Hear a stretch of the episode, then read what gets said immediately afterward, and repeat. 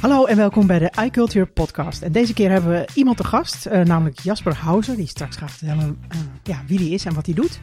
Um, en we gaan het hebben over de WWDC en de aankondigingen die er zijn geweest. Er was er natuurlijk al een gewone aflevering van de iCulture podcast uh, met Elger en Benjamin en uh, met mijzelf. Um, maar het leek ons ook leuk om iemand te vragen die echt met apps bezig is en die echt ja, met een heleboel apps al betrokken is geweest en ja, in het wereldje zit. Dus welkom Jasper. Goedemiddag. Ja. Um, wat, uh, wat heb jij allemaal gedaan? Want ik zag, zag jouw cv en ik was eigenlijk wel een beetje onder de indruk. Hij is inmiddels wat lang, ja. ja. uh, och jee. Um, nou ja, ik ben, lang geleden ben ik in, uh, in, in de software-industrie terechtgeraakt op de kunstacademie. En daar, uh, daar heb ik toen uh, zijlings vanuit de interesse van toe, toegepaste kunst, wat op de academie een beetje lastig was, uh, ben ik verzeild geraakt in, in de open source community bij Mozilla. En dan heel specifiek met Camino, de eerste echte zeg maar Mac browser op de Mozilla stack. en dat, heel veel mensen realiseren het niet, maar Camino is de, was het prototype voor Firefox. Om te bewijzen dat als je alles uit Netscape zou trekken en je zou alleen een browser maken, dat dat heel mooi zou zijn. En daar ben ik op de kunstacademie begonnen. En daar ben ik eigenlijk uh, ja, een soort van ver, verzeild geraakt in de independent development community, wat toen nog echt puur Mac was. En uh, ja, daar, daar voor, voor, voor Jan en allemaal een app-iconen zitten maken. Voor Adobe nog en uh, voor Microsoft ook nog in gesprek geweest met Apple. Dus echt design, app-iconen, dat was het begin. En later ben ik ook uh, uh, apps gaan ontwikkelen. Eerst met een vriend van mij in Amerika, AppZapper. In de tijd nog een vrij populaire app. Uh, en later Disco, een diskburning app. En ehm, zo ook in Nederland langzaam ehm, een beetje bekender geworden en veel mensen ontmoet. Was dat allemaal voor Mac trouwens, wat je nu noemt? Alles Mac, ja, ja, ja echt alles Mac. Uh, ja, was voor ons toen de tijd wel echt zeg maar, het voorbeeld van uh, mooie producten, kwaliteitsproducten. Uh, en natuurlijk vanuit een designperspectief ook gewoon esthetisch heel erg prettig. Mm -hmm. maar dat die esthetiek is voor mij door de jaren heen niet minder geworden, maar niet het belangrijkste aspect. Ook gewoon alle dingen daarnaast zijn belangrijk geworden. En dus vandaar ook dat, ik geloof 2005 of 2006, dat ik mijn uh, later co-founders van Sofa tegenkwam die checkout aan het maken waren, een point-of-sale systeem. En uh, bij hun ben aangeschoven, omdat zij ook echt heel erg vanuit het functioneel en het esthetische perspectief naar dat probleem keken. Wat natuurlijk een, eigenlijk een ongelooflijk saai onderwerp is, point-of-sale. Uh, een kassasysteem voor in retailwinkels. maar wij vonden dat juist een hele mooie uitdaging. Van heel erg vanuit het perspectief van um, ja, producten maken die mensen dagelijks gebruiken en die die ook echt uren achter elkaar moeten gebruiken. Hoe kun je dat beter maken? Hoe kun je dat mooier maken? Hoe kun je dat sneller maken? Dat vonden we een hele mooie uitdaging. En, en, zo ben, zijn, zijn we bij elkaar gekomen en zijn we checkout gaan ontwikkelen. En Sofa heeft, hebben we daarna vijf jaar gedraaid. En hebben we uh, versions ook mede ontwikkeld. Uh, en uiteindelijk ook later Kaleidoscope. Uh, twee developer apps. Versions was Subversion Client. inmiddels zijn we natuurlijk allemaal op Git overgegaan. Uh, maar dat was uh, ja, een van de eerste populaire versioning clients. En uh, daar hadden we ook echt grote bulk licenses bij, bij Apple lopen en allerlei andere grote bedrijven. Dus dat was, dat was heel erg leuk. Mm -hmm. En later Kaleidoscope, wat een, een bestandsvergelijkingsprogramma was, ook voor programmeurs. Maar we, we, we hadden ook meteen zeg maar beeldvergelijking. Dus dat je niet alleen je, je tekstbestanden kon vergelijken voor als je aan het programmeren was, maar dat je ook je, je beelden kon vergelijken. Ehm, en uh, daar heel veel plezier aan gehad en al die producten bouwen. En in die tijd ook uh, door Apple uh, ja, echt gespot. Checkout heeft mede door aanvraag van hun ook nog echt in een doosje in de winkel, in de Apple winkels gelegen. Dat was hartstikke mooi. En later hebben we ook nog een Apple Design Award gewonnen voor zowel checkout en versions.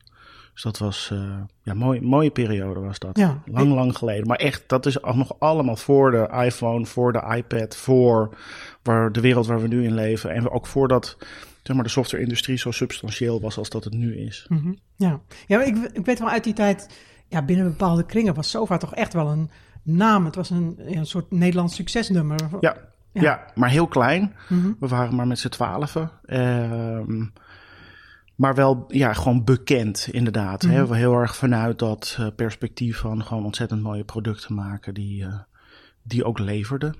tot op zekere hoogte, maar voornamelijk leverde op kwaliteit. Ja, dat was heel erg leuk. En eh, dat is ook wel een mooie brug, want dat is, dat is uiteindelijk ook waardoor we in Amerika bij Facebook verzeild geraakt zijn. Eh, daar ehm, was op een gegeven moment intern een soort van vraag van eh, welke, welke design- en softwareontwikkelaars zijn er nou echt heel erg interessant.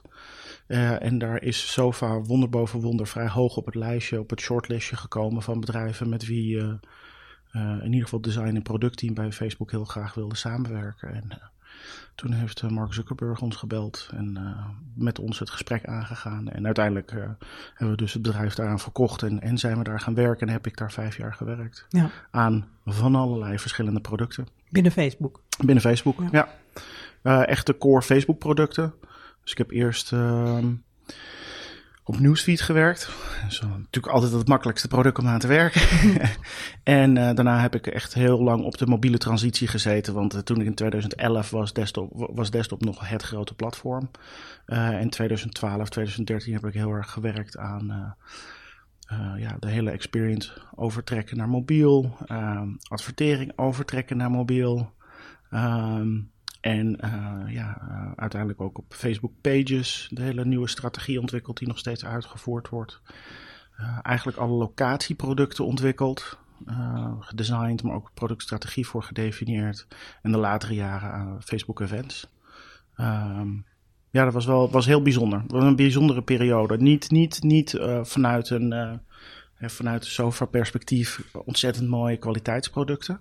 Niet dat ik denk dat Facebook slechte producten maakt van een kwalitatief perspectief, maar het is natuurlijk een bedrijf dat op een hele andere manier functioneert. Ja, daar is het vooral gewoon dat het veel mensen gebruikt, dat mensen het vaak gebruiken. En natuurlijk dat er advertenties verkocht worden. En ik heb daar wel heel erg veel geleerd. Heel, heel erg vanuit het andere perspectief, waarin Sofa wellicht op sommige momenten wat oversloeg in het vooral ongelooflijk mooie producten maken. Eh, heb ik bij Facebook heel erg veel geleerd, juist over eh, ja, ook de, de, weet je, de kwantitatieve kant van eh, bedrijfsvoering leren. Ja. En voor mij persoonlijk, los van het product, heb ik daar ook heel veel gehad aan, aan het leren over een manager zijn, teams aansturen, ehm, meepraten over productstrategie voor het bedrijf. Ehm, ja, dus ik, ik heb ook wel vrij hoog in de organisatie gezeten en ook op dat vlak heel veel kunnen leren. Dus dat was super interessant. Ja. Ja. Heb je dan bij zo'n groot bedrijf het idee dat je maar een van de kleine radertjes bent? Of had je het idee dat je echt ja, belangrijke dingen kon doen?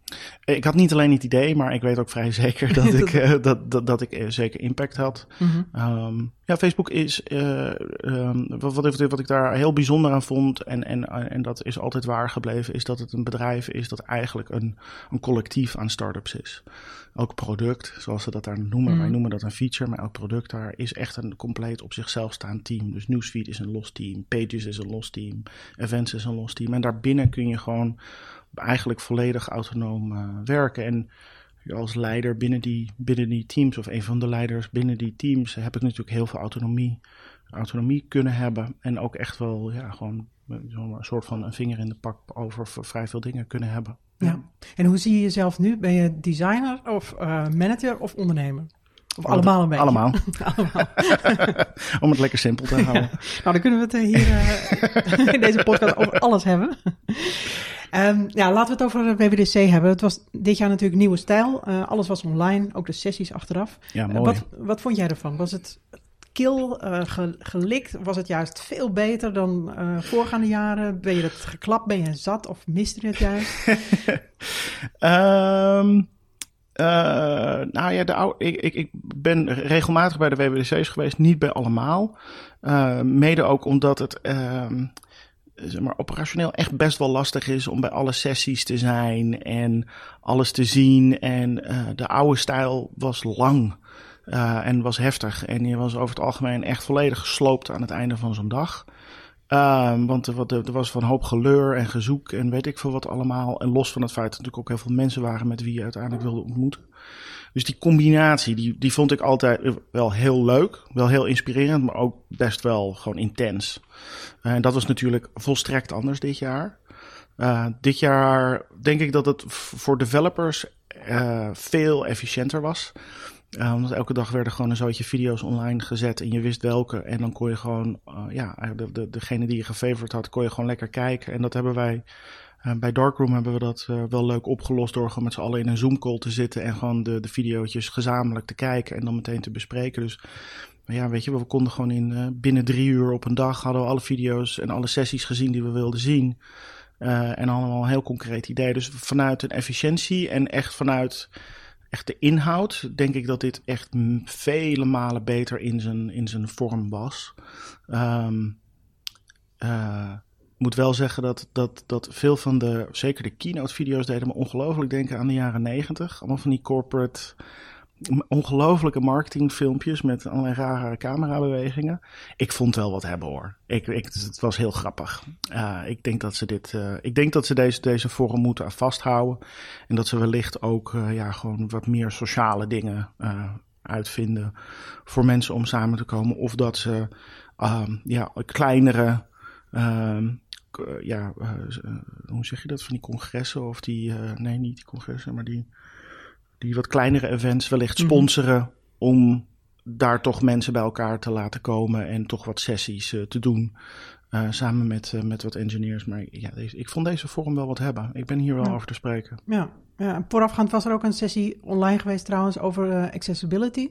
Zoiets zou bijvoorbeeld dan kunnen, dat het rond een bepaald thema... Precies, ik vind dat, dat, dat, dat, ik denk dat dat spreekt mij wel aan mm -hmm. om, om het op die manier te doen. En nogmaals, het kan ook zijn dat ze gewoon ja, op de rug van een ander event mee, mee hobbelen. Kan ook. Ja. Um, maar dan heeft dat een veel socialer karakter en een veel minder, zeg maar, content karakter. En want dit is gewoon efficiënter. En dat heb ik mhm. niet alleen bij ons gemerkt, maar ik heb dat ook van veel andere developers gehoord. Dat ze zoiets hebben van, ja, ik heb eigenlijk meer sessies meegekregen en meer content gezien dan ik ooit in alle WWDC's bij elkaar meegekregen heb.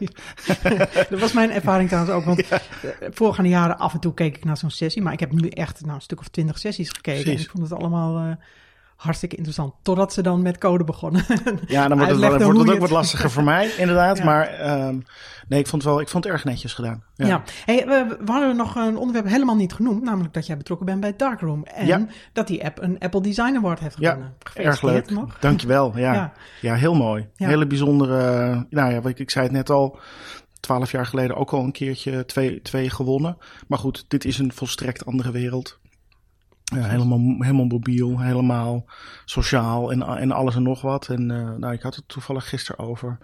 Uh, dat Mars, mijn, mijn medeoprichter van Darkroom, die vroeg... Uh, stond het op jouw lijstje van iets wat je ooit had nog een keertje wilde? En van, nou, totaal niet. Ik had het helemaal niet... het stond niet op mijn verlanglijst van dat wilde ik nog een keertje voor elkaar krijgen. Ook omdat ik weet dat de lat zo hoog ligt. Mm -hmm. Want Apple, die, die zei het ook tegen ons vorige week. Er zijn 23 miljoen developers in de wereld.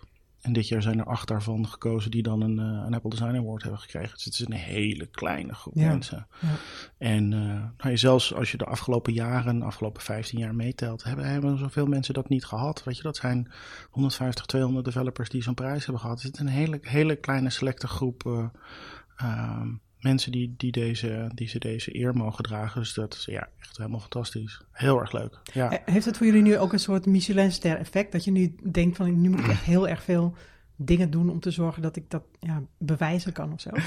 Dat hebben wij intern eigenlijk altijd al een beetje gehad. Dat, dat gevoel van, uh, de, de, ja, wij houden wel echt heel erg van onszelf heel eerlijk houden en de lat heel hoog leggen. Uh, en ik denk dat uh, Apple hierbij ook gezegd heeft, inderdaad, dat zien wij ook. Uh, en ja, daar, de, daar kleeft natuurlijk wel een, een, een, een, een effect aan. En dat is dat mensen verwachten dat het dus ook zo goed is als dat men zegt dat het mm -hmm. is. Ja, dat is altijd heel erg moeilijk. Ja. Die verwachtingen managen. Um, maar ja, dat, dat zit er wel zeker aan vast, ja. ja. Maar voor ons geen probleem. Dat is, dat, dat, is, dat is de verwachting die we wilden wekken. Ja. Alleen of we het waarmaken, dat is wat anders. ja, ik heb van eerdere um, uh, uh, design award winners wel gehoord dat ze, uh, om, dat, ja, om dat niveau vast te houden, dat ze dan heel erg doen wat Apple wil. Want Apple gaat zich natuurlijk dan natuurlijk heel erg met je app bemoeien. En zeggen van, uh, nou, we hebben deze nieuwe technologie uh, aangekondigd. Zou je dat niet in je app gaan verwerken? Bijvoorbeeld abonnementen ja. of uh, dark mode. Ja. Of ik weet niet wat ja. er allemaal is aangekondigd de afgelopen tijd. Ja dat is natuurlijk wel een beetje een, een, ja, dan ga je opeens dingen doen die je misschien helemaal niet op je roadmap had, maar dat doe je dan omdat Apple het graag wil. Ja, Ja, nee, dat, dat is absoluut waar. Uh, dat, ik bedoel, dat, dat, bij Darkroom zijn we er altijd heel open over geweest. Uh, en, en, dat is namelijk, uh, wij hebben nooit een marketingcampagne gedaan. En dat doet Apple eigenlijk altijd voor ons. Mhm. En dus onze strategie daarin is ook zeker om, om de, de, de, de, de nieuwe tools die Apple aanbiedt, de nieuwe functionaliteiten, te adopteren als wij het gevoel hebben dat het een toegevoegde waarde voor onze klanten heeft. Um, nou, en dat, uh, soms werkt dat goed en soms dan laten we ze ook weten, ja, sorry, augmented reality, hartstikke leuk, maar daar gaan we ons voorlopig niet mee bezighouden. En dan zeggen ze wel, ja, maar het zou zo mooi zijn als je het doet. En dan zeggen wij, sorry, maar dat, we voelen niet dat dat, uh, dat, dat nodig is. Dus daar, daar, daar zit zeker wel een balans in. Uh, ook voor ons, omdat het wel, voor ons wel, omdat we nog klein zijn, echt wel van belang is dat we Hè, dat, dat Apple ons featured. Nou, dit is de grootste manier waarop ze dat ooit kunnen doen. Uh, dus dat is fantastisch. Dus dat werkt erg goed. Maar ja, ja, we proberen ze wel ook eerlijk te houden daarin. En ook duidelijk aan te geven als dat echt niet voor ons werkt. Heb je iets gemerkt in aantallen downloads? Of, uh, Ja, eh, tien keer zoveel als normaal, ongeveer. Ja, en dat was eh, op dag één. Ik weet niet meer wat gisteren was, maar eh, het is ja, absurd veel. Ja. Ja. Ah, leuk. Ja, het is, eh, ik denk dat het eh, de, de beste analogie is. eh, weet je wel, Apple is een van de grootste bedrijven in de wereld. Ehm, en die heeft ja, op alle telefoons in de wereld op de eerste pagina van de App Store gezegd: dit zijn de winnaars. Mhm. Dus wij zijn niet de enige, maar die andere acht die zullen ook merken dat er gewoon een gigantische megafoon aan is gezet. En daar wordt heel hard doorheen geschreeuwd dat je wat moet gaan zien. En weet je, het is niet alleen in de App Store. Apple heeft ook ve- veel met media gesproken. Dus er zijn allerlei interviews, niet alleen deze, maar ook andere die we doen met grote Amerikaanse bladen en, en websites en podcasts. Ehm, maar, maar ook, eh, ja, Apple heeft ook eh, alle, alle App Store accounthouders een e-mailtje gestuurd met: hey, eh, we, er zijn nu nieuwe Apple Design Awards, ga eens kijken naar die apps. Dus Mhm.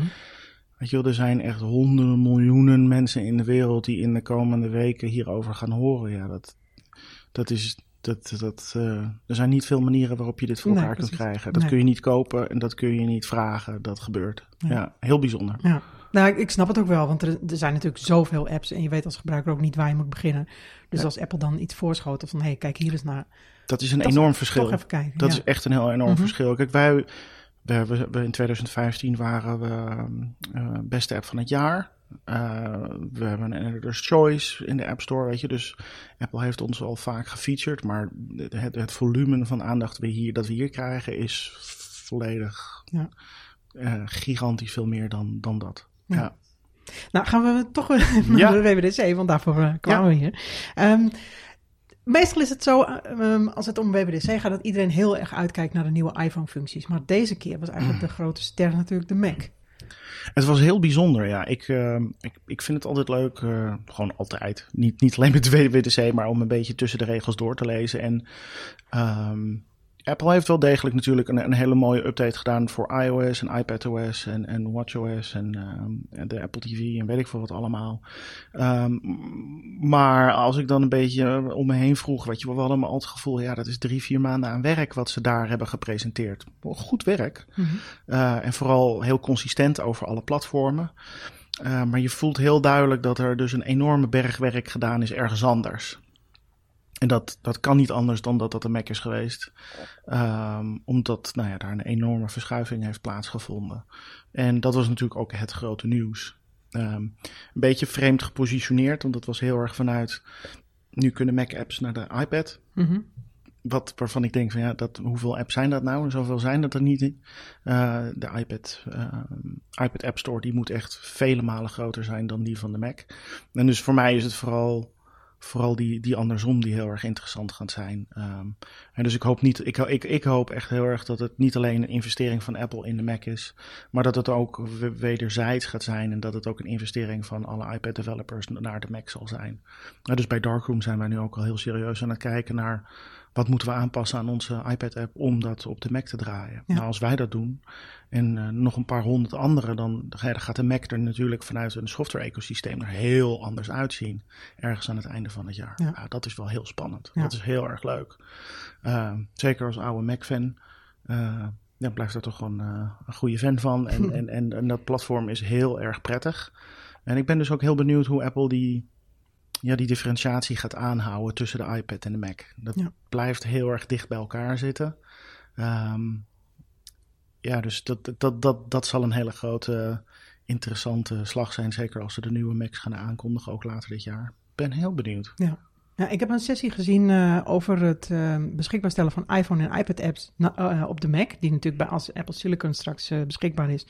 Daar komen al die apps ehm, ja, in de Mac App Store beschikbaar. Ja. Tenzij je als ontwikkelaar zegt dat wil ik niet. Ja. Maar gewoon standaard staat het aan. Ik ben heel benieuwd hoe dat gaat werken. Want het is natuurlijk qua interactie is het heel anders. En de sensoren die erin zitten. Ik heb het idee dat er straks 80% ja, van die apps helemaal niet goed werkt. Ja, en ik ben ook ben heel erg benieuwd. Ik denk dat, dat Apple daar waarschijnlijk wel slim mee om zal gaan. En, en ja, kijk, Apple kan natuurlijk gewoon eh, voor een goed gedeelte in de code kijken. En gewoon bepalen van deze apps gebruiken deze sensoren, dus die zijn niet beschikbaar. Uh, maar bijna alle API's zijn overgeheveld. Dus bijna alles zou het moeten doen. Kijk, je Mac heeft geen kompas, dus dat werkt inderdaad niet. Uh, en zo zijn er nog een aantal andere dingen, maar ja, heel veel werkt wel. Ja, dat is wel, dat is wel heel bijzonder. Maar ik ben het helemaal met je eens hoor, dat ook gewoon de kwaliteit en de interactie van de apps, veel apps zullen echt, zullen eigenlijk echt aangepast moeten worden. Nou is de iPad natuurlijk, komt een heel eind in de buurt. Zeker nu met dat, dat Apple met die nieuwe smart case uh, op de iPad ervoor heeft gezorgd dat je gewoon echt toetsenbord en een muis hebt. Mhm. Mm -hmm. um, maar goed, zoveel, dat, zo lang geleden is dat nog niet. En zoveel mensen hebben hun apps daar nog helemaal niet op aangepast. Dus ja, ik, weet je, de, de, vroege, de vroege developers zullen aan het einde van het jaar al wat moois hebben zien. Maar ik denk dat volgend jaar vooral het jaar van de Mac zal zijn uh, op, de, op dat front. Omdat ja, dan het in ene kan. En maar ook dan blijft natuurlijk heel erg nog de vraag van hoe, hoe dat business-wise gaat, gaat uitpakken voor developers. Wij hebben, uh, Darkroom heeft twee jaar geleden de iPad-versie uitgebracht. En um, inmiddels is dat bijna 30% van onze omzet. Dat is echt heel substantieel. Um, dat is veel groter dan de relatie tussen. Als je kijkt hoeveel iPads en, en iPhones er zijn, uh, ja, dan is onze omzet veel groter dan die, dat, die verhouding. Ja, bij de Mac zijn we daar ook heel erg nieuwsgierig naar. Ik denk dat dat veel meer naar de, naar de iPad zal neigen. Uh, en zeker voor de productiviteit en pro-apps zal de Mac gewoon heel erg interessant zijn. Omdat veel mensen toch echt wel achter een desktop of een laptop gaan zitten om hun ja. werk te doen en niet achter een iPad. Mm -hmm. Grotere schermen zijn daar gewoon veel prettiger voor. En muizen en toetsenborden zijn ook voor dat langdurig gebruik veel, veel beter. Um, dus ja, daar, daar, daar ligt echt een hele grote mogelijkheid voor veel productiviteitsapps om die overstap te maken naar, ja. naar de Mac als ze zouden willen. Ja. Heel erg leuk, heel ja, erg interessant. Als je het heel professioneel wil aanpakken, kun je natuurlijk ook Catalyst gebruiken. Precies. Maar dan worden er wel wat meer eisen aan je app gesteld. Nou, het is, het is noodzakelijk. Uh, ik denk dat heel veel mensen zich niet realiseren dat het hartstikke leuk is dat zometeen uh, al die iPhone en iPad apps uh, gewoon gratis en voor niks op de Mac draaien. Maar dat is alleen op Apple Silicon. En in oktober, november zijn er nul mensen die die thuis hebben staan. Dus voor een developer is, is ontwikkelen voor Apple Silicon voorlopig totaal niet interessant. Mm -hmm. um, dus dat, dat betekent dat iedereen eigenlijk eerst uh, gewoon serieus naar Catalyst moet gaan kijken. Omdat je namelijk dan de hele, hele Intel Macbase um, ja, kan, kan, kan bedienen. En die is heel groot. Ja. Daar hebben we het over tientallen, honderden miljoenen van die dingen die er rondslingeren op de wereld. Ja, dat, dat, dat is interessant. Dus ook voor ons, uh, wij zullen absoluut eerst naar Catalyst gaan kijken. Want de rest krijgen we toch wel voor niks. Mm -hmm. Dus eerst maar eens ervoor zorgen dat al die mensen die een Mac op hun desktop hebben staan, inclusief mijzelf, uh, dat, dat we daar een mooi product voor hebben. Ja, ja super interessant. En, en, en dat wordt, uh, ja, nogmaals, ik denk dat het best wel eens een substantiële transformatie voor de Mac kan, kan worden. Ja. ja. Mac in het algemeen, uh, macOS Big Sur is natuurlijk aangekondigd. Uh, grote veranderingen, vooral qua uiterlijk. Substantieel, ja. Um, ik wil wel graag weten wat jij van de icoontjes vindt. Daar heb ik al heel veel over gezegd. ja. er is ook al gezegd, ja, het is maar een beta, misschien verandert het nog. Nee, dat denk ik niet hoor. ja. Uh, maar ook over het nieuwe uiterlijk, hè? meer uh, ronde hoekjes, uh, wat meer transparantie. ja. Is dit de, de iPadificatie van, van de Mac? Of, het is, het is naar elkaar toetrekken. Ja het, is, het, ja, het is heel makkelijk om inderdaad een soort van te zeggen van de Mac wordt de iPad. Um, Apple blijft heel, heel erg uh, uh, stevig volharden dat de Mac de Mac blijft en de iPad de iPad. Maar je ziet heel duidelijk, en ik, ik denk dat het zelf meer komt vanuit een, een visie dat ze een, consistentie binnen de producten willen hebben. Um, en dat ze natuurlijk aan de achterkant ook een consistentie in de codebases en de API's willen hebben, zodat ja, het voor developers makkelijker gaat zijn om ja, je iPhone-app op de iPad te krijgen en dan, en dan op de Mac te krijgen ook. Weet je, daar is natuurlijk enorm veel voor te zeggen. Um, en laten we wel zijn, ik bedoel, uh, de, de, de iPhone en de iPad domineren Apple. Gewoon 100%. Ik vind het überhaupt een wonder vanuit een business perspectief dat ze de Mac nog maken. ja. um, als je het puur vanuit een mhm. financieel perspectief bekijkt, waarom doen jullie dat knutselprojectje nog? Terwijl dat waarschijnlijk vanuit een investeringsperspectief echt wel een substantiële dobber is voor hun. Om zowel macOS te onderhouden als de Mac als platform. Uh, en daarin ben ik heel erg blij dat Apple uh, wat dat betreft heel erg loyaal uh, altijd naar zijn klanten is. En, en de, de kwaliteit en de consistentie probeert te waarborgen. Hè, dus vanuit dat perspectief, ja, weet je wel, kijk ik naar daar en denk ik wat ze aan het doen zijn, los van de, de subjectieve aspecten van vind ik het mooi of niet, snap ik donders goed wat ze aan het doen zijn. Dus ze zijn er vooral heel erg aan het zorgen dat dat allemaal, ja, dat cross-platform, die promise die ooit 30 jaar geleden gemaakt was, dat dat in ieder geval voor hun wel werkt. En dan ja, vanuit een gewoon puur esthetisch perspectief, ja, ik vind, ik vind het zelf inderdaad wat je net al zei. De, de, de, de icoontjes die hebben zijn unieke vorm een beetje aan het verliezen en de kleur aan het verliezen. Ik vind dat vooral lastig vanuit een, gewoon een usability perspectief. We weten uit honderden onderzoeken die er in de afgelopen decennia gedaan zijn, dat kleur en unieke vormen enorm helpen in de herkenbaarheid en het efficiënt en snel navigeren binnen computersystemen. En dat, ja, dat gooien ze een soort van weg. Dat vind ik jammer. Um, maar nogmaals, hè, ze proberen dat heel erg vanuit een consistentieperspectief te doen. Dus ja, weet je, ben ik het ermee eens? Zou ik het gedaan hebben? Nee, maar ik snap wel waarom ze het doen. En ja, het is wel, het is, het is jammer. Zeker de, de, de, de Mac-app-icoon cultuur van weleer uit de Aqua-tijden. Ja, jezus, eh, nog steeds is dat, als je daar naar kijkt, um, is dat waanzinnig wat ze daar gedaan hebben. En uh, ja, ik, ik, hoop wat dat betreft ook wel. Apple heeft het niet helemaal weggehaald. Het zijn niet allemaal platte squircles met een symbooltje erop. Ze hebben er wel wat diepte terug in gestopt. um, en ik ben heel erg benieuwd of we dat ook terug gaan zien op de iPhone en de iPad. Ik, dat zou ik heel erg leuk vinden. Als we met z'n allen als developers gewoon zeggen: ja, dat is allemaal leuk, dat platte gemapte spul. Weet je wat, we gaan weer een beetje terug naar wat meer diepte en wat meer frivoliteit. Um, en dat zal ook soms wat meer rotzooi zijn, want niet iedereen kan het heel erg goed. Maar dat, dat, ja, dat, dat, dat, uh, dat killen mag er wel een beetje vanaf. En dus, ja, weet je, dat, dat zou ik graag zien. En dan, ja, ik denk dat de, de, de, de transparantie deed me gewoon heel erg denken weer aan de introductie van OS 10. Mm Dat was ook allemaal eh, ontzettend veel transparantie. Ja, en um, voor mijn gevoel zit daar een hint in. En dat, dat die hint is uh, het grote verschil tussen zeg maar, het idioom van de Mac en het idioom van de iPad en de iPhone zal, windowing zijn. Um, dat zal het verschil zijn. Uh, ik denk dat we op de iPad nooit en te nimmer uh, zeg maar, ja, van die kleine schermpjes die je kan resizen gaan krijgen. Um, dat is te krap, te klein om dat ooit te doen. En dat is wel wat, zeg maar, als je, als je echt naar de unieke aspecten van de interactie op de Mac kijkt, dat is eigenlijk nog het enige unieke aspect. Mhm. En dat heeft veel voordelen. Dat heeft echt heel erg veel voordelen. Zeker vanuit een creatief aspect. Um, ik had het toevallig met een vriend erover gisteren. Uh, heel veel mensen zijn een beetje vergeten zeg maar, waar, waar, waar het concept van de desktop vandaan komt. Waarom er toen voor gekozen was dat dat handig was. En waarom kleine vensters uh, die daar overheen hangen, waarom dat handig was. En dat heeft heel erg te maken met de, uh, het feit dat je dingen naast elkaar kan zetten en dat je, net als dat je een collage maakt, dat je wat dingen naast elkaar kan zetten van, zodat je hier naar kan kijken en daar naar kan kijken. En op een iPad is gewoon dat te klein. Twee dingen kan je naast elkaar doen, drie kan gewoon niet. Dat gaat niet. Um, en, en die, die, zeg maar, die, die uh, ja, hoe zeg je dat? Die, die visuele herinnering, uh, of dat geheugensteuntje van iets naast iets anders kunnen zetten, is gewoon heel handig. Dat is waarom heel veel mensen ook gewoon nog steeds op papier schetsen en op papier notities maken. Um, dat heeft niet te maken met dat het efficiënter is op het moment dat je ze maakt. Het heeft ermee te maken dat je ze op tafel kan neerleggen en dat je er later nog eens naar terug kan kijken. Ja. En dat is heel prettig. Mhm. En ik denk dat we dat nooit kwijt gaan raken. Eh, en ik denk dat, dat, dat Apple dat ook echt zal blijven houden voor de Mac. En dat we dat niet weg gaan krijgen.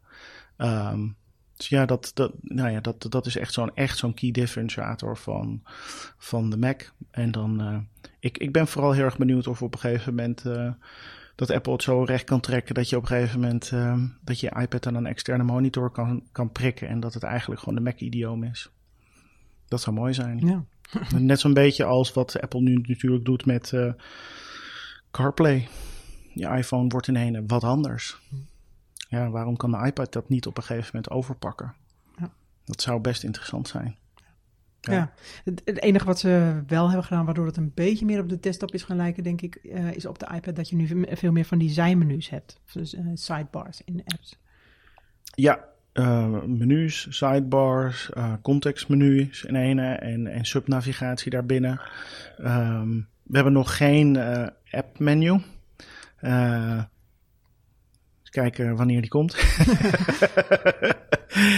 ik, ik, ik weet dat er al heel veel ontwikkelaars zijn die daar nu merken. Als je een, echt een volwassen iPad-app maakt, op een gegeven moment heb je dat nodig. Je merkt gewoon dat, dat je consumenten ernaar vragen. En als developer dat je ook ziet van ja, maar shit. Dat er Dat gewoon zou, zo'n menu ja, dat zou wel echt eh. rete handig zijn. Ja. En misschien niet op die manier, niet zo op de klassieke manier waarop die balk er altijd is. Eh, maar ja, je zou het natuurlijk ook een beetje kunnen doen zoals we nu, eh, zeg maar, dock op de iPad hebben. Is dat als je naar beneden gaat, dat die er wel is, dat die wel op te halen is. Ehm, het, is grappig. Hè? Je merkt nu in ene waarom, waarom de dingen die we op de Mac gekregen hebben, waarom die goed werken. En je merkt dat de, de, de iPad-apps die echt volwassen worden, die heel snel tegen dat soort dingen aanlopen. Dus inderdaad, zo'n sidebar. Ja, als je een beetje een substantiële app maakt, op een gegeven moment ontkom je er niet aan dat je zo'n ding nodig hebt voor je navigatie. En dan, eh, nou ja, een paar jaar in en dan, tada, dan krijg je hem. als mensen eraan gewend zijn. Ja, precies. Als mensen er klaar voor zijn. Apple heeft het misschien al lang bedacht, maar ze wachten gewoon tot... Het, eh, ze zijn altijd drie, vier jaar voordat eh, wij dingen zien, zijn ze er al mee bezig. Dus Ja. het ongetwijfeld zweven die dingen daar rond. Ja, Vind je voor de Mac eigenlijk dat het dat nummer 11, want we hebben nou, Ja, 20 jaar met hè? nummer 10 gedaan. dat was al heel vreemd hoor, die hele beslissing. ja. Vind je Eh, terecht? Is het ehm, groot genoeg? Of krijgen we eigenlijk de echte belofte, komt dat pas later? Voor de consument, nee, de, totaal niet. Maar ik denk dat de consument het geen reet interesseert. Ik denk dat voor de developers dit klopt. En ik heb ook al wel gezien dat ze het heel lang binnen Apple gewoon 10.16 hebben genoemd. Dus je ziet overal referenties daar nog links en rechts aan. Ehm, nee, ja, het is gewoon, het is, het is heel substantieel. Dus ik denk dat het, eh, dat, dat het een goede, eh, goede knipoog naar de developers is van jongens, dit is echt heel serieus. Ehm, en, en dat was wel duidelijk. Het was ook echt de, de one more thing in de hele keynote. Eh, het, was, het was duidelijk dat Apple dit heel belangrijk vond. Ja. Ja.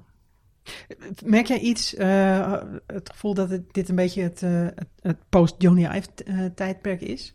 Want ja, hij is natuurlijk nog maar net weg en al die ontwikkelingen zijn al jaren geleden begonnen. Maar eerlijk gezegd was Johnny Ive natuurlijk de afgelopen paar jaar ook niet echt betrokken bij, bij producten. Ik vind dat heel lastig. Ik vind het. ehm, ik moet eerlijk zeggen dat gewoon. eh, eh, zeg maar mijn objectieve zelf, dus niet mijn subjectieve zelf, Mhm. echt het gevoel heeft dat Apple nog steeds de lijn bewandelt die het de afgelopen 30 jaar al bewandelt. Ik heb niet het gevoel dat er een rare knik of een zigzag of een rare hobbel in zit. Ik heb het gevoel dat ze donders goed weten hoe ze moeten werken. En daarin heb ik ook wel, eh, wel vernomen, ik weet niet meer precies waar, dat daar dat er voordat, eh, of in die periode dat, dat Steve Jobs heel ziek was, dat ze ook heel veel in hebben geïnvesteerd in het codificeren van hoe werkt Apple nou en wat zijn onze waarden nou. Ehm, en dat Dat daar... is ook zo'n university, toch? Ja, precies. Dus, eh, en ik heb het gevoel dat ze dat veel beter gedaan hebben dan iedereen van buiten eh, zich realiseert. En ik denk dat ze inderdaad die university en, en gewoon die waardes, de cultuur, de onboarding zo ontzettend goed op hebben gezet dat, dat veel van wat Johnny en Jobs allebei eh, eh, zeg maar gedefinieerd hebben als dit is de cultuur en de manier van werken van Apple. eh, ja, eigenlijk zo overdraagbaar en zo, zo goed gecodificeerd hebben dat dat blijkbaar zonder hun ook best goed opereert. En ehm, weet je, in, in die zin, weet je, die, die twee mannen die, die leiden het bedrijf.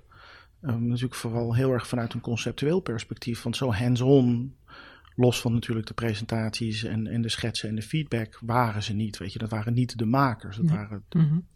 denkers. Maar ze hebben ook al zeg, zelf al honderd keer gezegd dat, dat, dat het al de teams eromheen uiteindelijk waren die het allemaal mogelijk maakten. En ja, ik heb wel het gevoel dat dat, dat dat dus werkt. En dat is een hele rare gewaarwording natuurlijk ook. Want aan de ene kant vraag je, kan dat dan?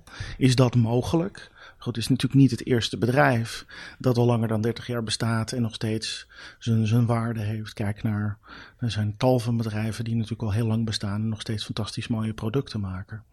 Ehm, maar het bl- blijft natuurlijk een beetje gek. Want voor mij is het ook een soort van Johnny Ive en Steve Jobs waren Apple en die definieerden het. En ze zijn er nu niet en het blijkt gewoon nog steeds een beetje hetzelfde bedrijf te zijn. Ja. Dat is best wel gek. Ja.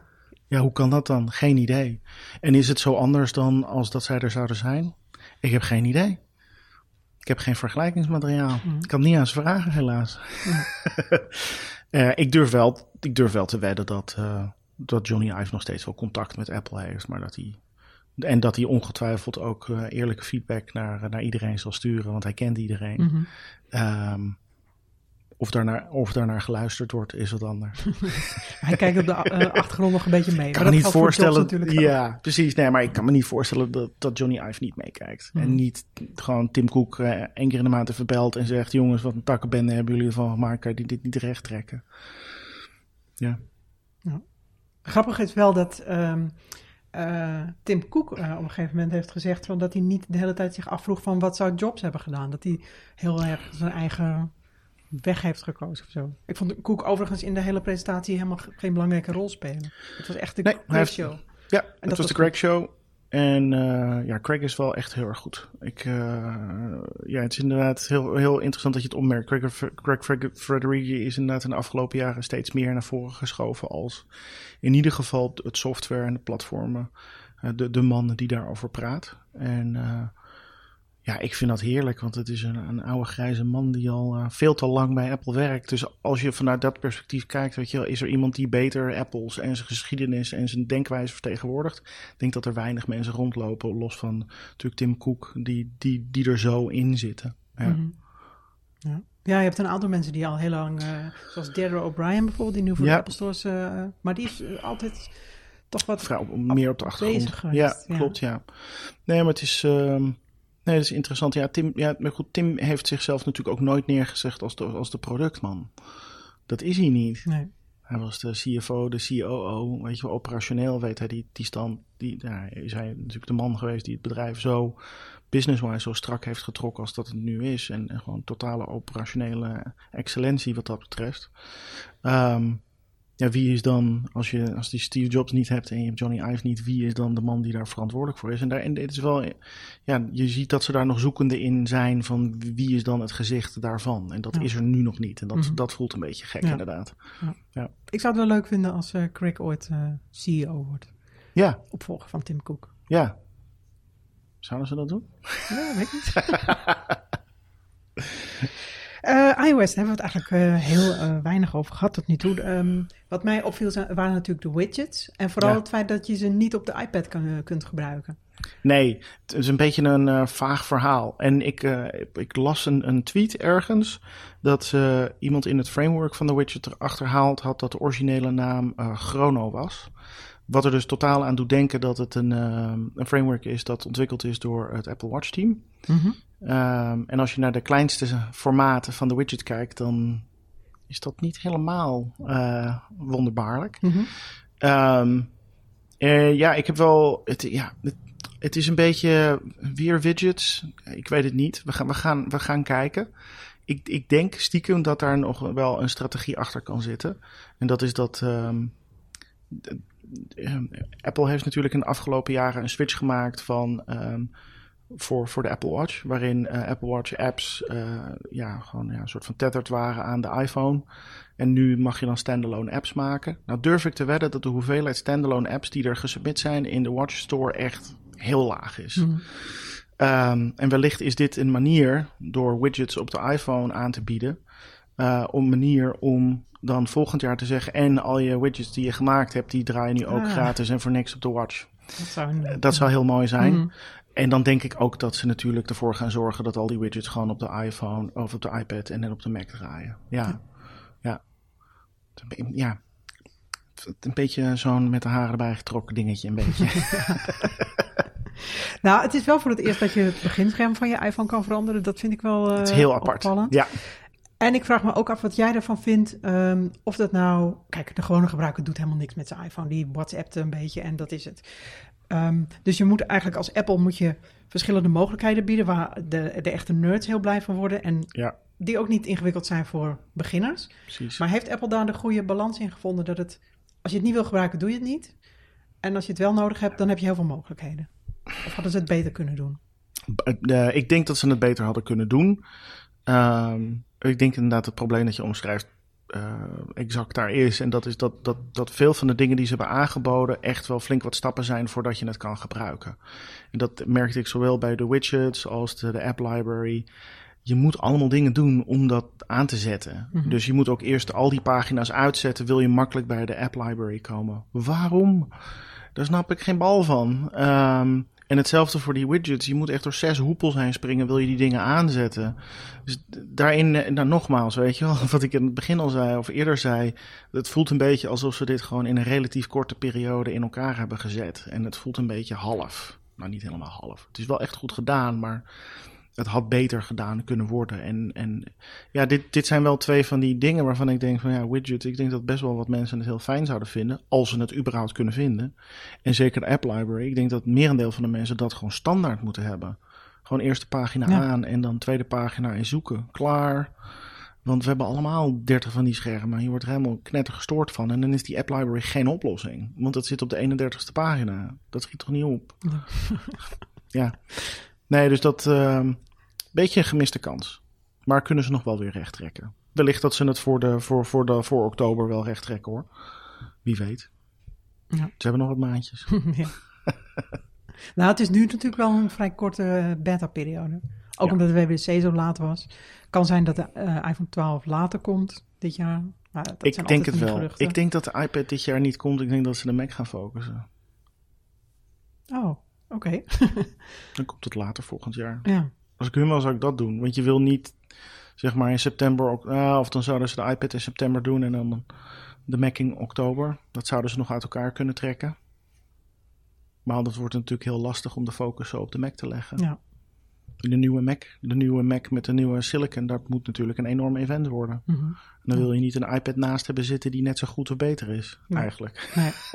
ja, het wordt nog een heel erg uh, druk najaar, want er zijn zoveel hardwareproducten waar er geruchten over zijn, maar Ja. die nog niet zijn aangekondigd. Ook de AirTag bijvoorbeeld. uh, Glas. misschien wel, ja, Ja. ja. ook Glass, dat wordt misschien nog wel iets later. dat denk ik ook wel, ja.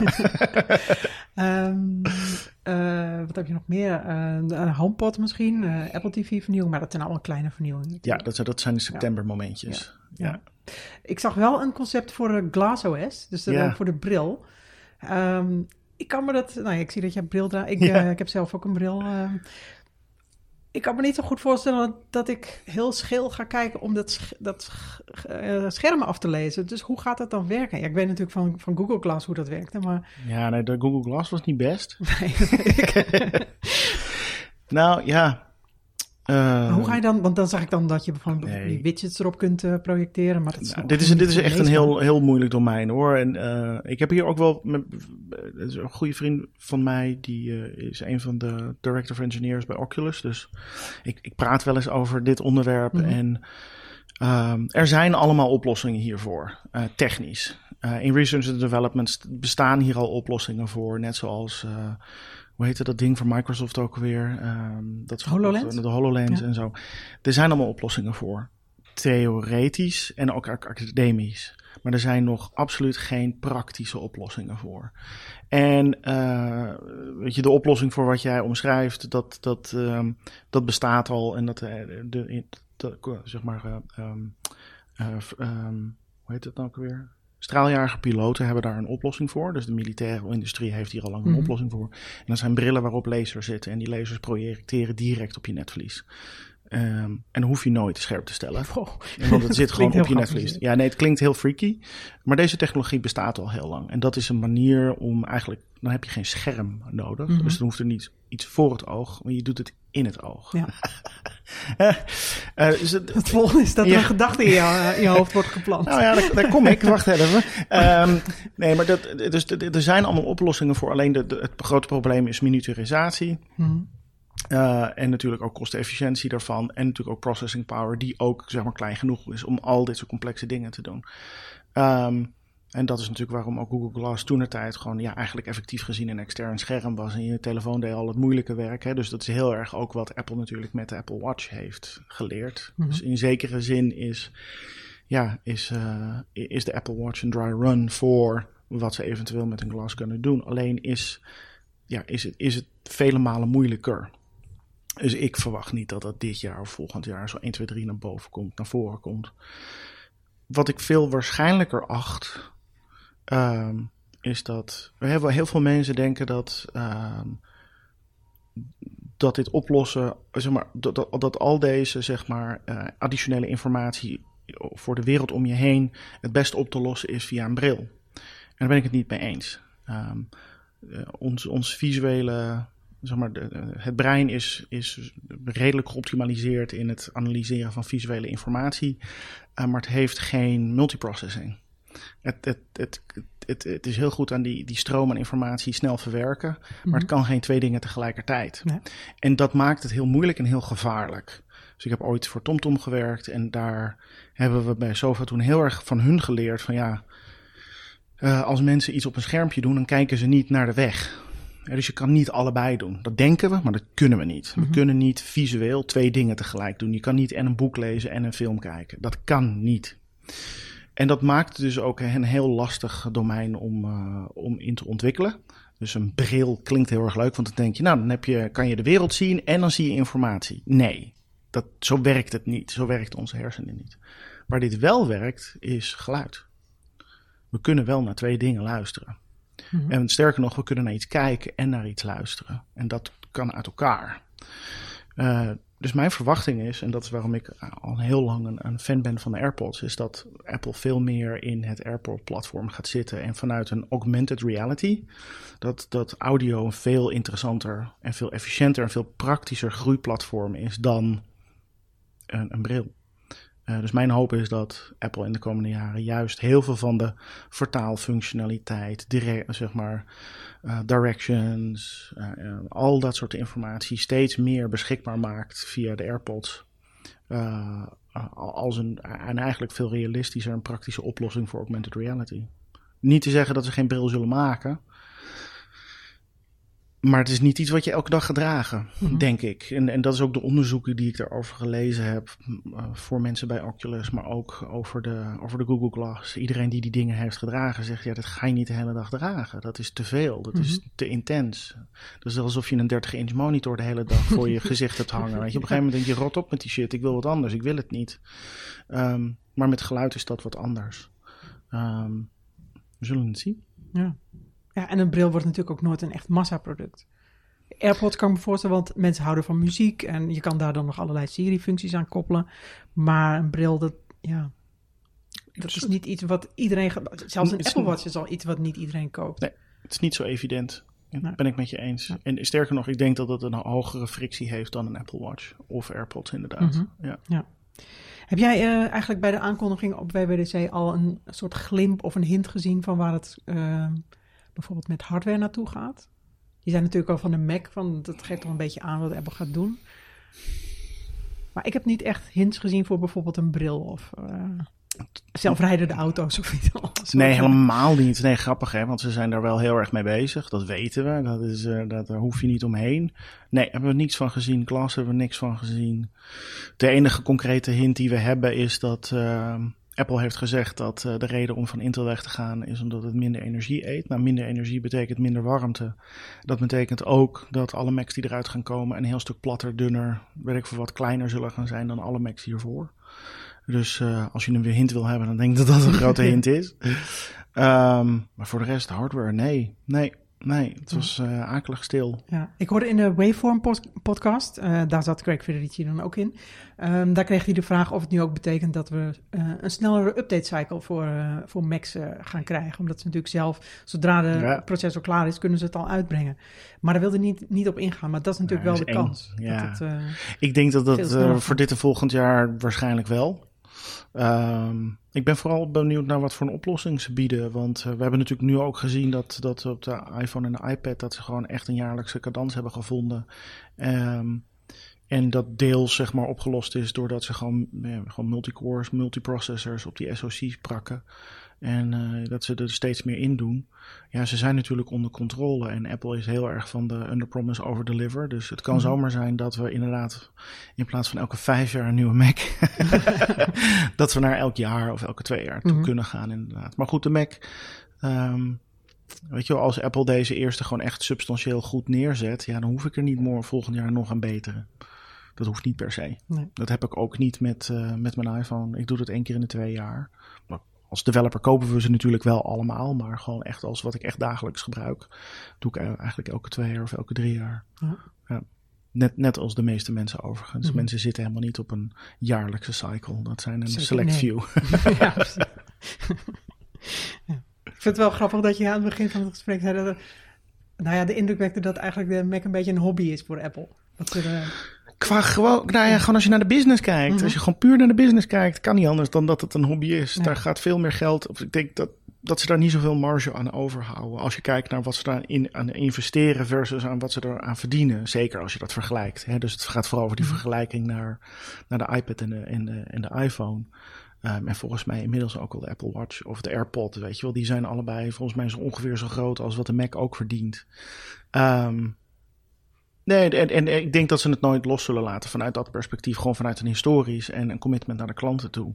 Maar het is gewoon raar om je te beseffen dat dat bedrijf is niet, is niet meer de Mac. Al heel mhm. lang niet meer. het is gewoon raar. Ja, en een grote dooddoener aan het eind. Eh, wat vond jij de allerbeste aankondiging van WDC 2020? Oei. Uh, ik, voor, ons was het, uh, voor mij persoonlijk was het echt uh, gewoon Apple Silicon en Catalyst. Als, als developer van een app die een Apple Design Award heeft gewonnen en die heel populair is op de iPhone en de iPad, hebben wij heel veel vragen gekregen van kun je dit alsjeblieft ook beschikbaar maken op de Mac. En het feit dat Apple het ons zo makkelijk heeft gemaakt, we zullen het zien. Ik bedoel, we moeten nog kijken hoeveel maanden we ermee bezig zijn, maar relatief gezien zoveel makkelijker heeft gemaakt, is wel echt fantastisch. Um, dat is echt vanuit, vanuit developer gekeken. Als het consument moet ik eerlijk zeggen dat het me niet zo heel erg warm of koud maakte. Het wordt gewoon een soort van netjes, maar niet geweldig. Mm Oké, okay, dankjewel. Dankjewel. Dat was uh, Jasper Hauser. Uh, als je meer over hem wil weten, uh, zijn website is jasperhauser.nl. En zo heet ook zijn Twitter-account. Ik weet niet of al je andere sociale ja, accounts allemaal lekker simpel. Um, of je kan natuurlijk ook de Darkroom app uh, downloaden om Graag, te kijken wat, uh, wat hij zoal heeft gemaakt met zijn collega's. Um, nou, dit was uh, een van de podcasts die we maken in het kader van WWDC 2020. We krijgen nog een, een andere aflevering met Antoine van der Lee en Bas Broek. Waarin we meer ingaan op de ontwikkelingen rondom Swift en echt het programmeerwerk. wat, ja, waar ontwikkelaars nu mee aan de slag moeten gaan de komende maanden. En nou, als je dit een leuke podcast vond, Geef er 5 sterren in, in de iTunes Store. Tot de volgende keer.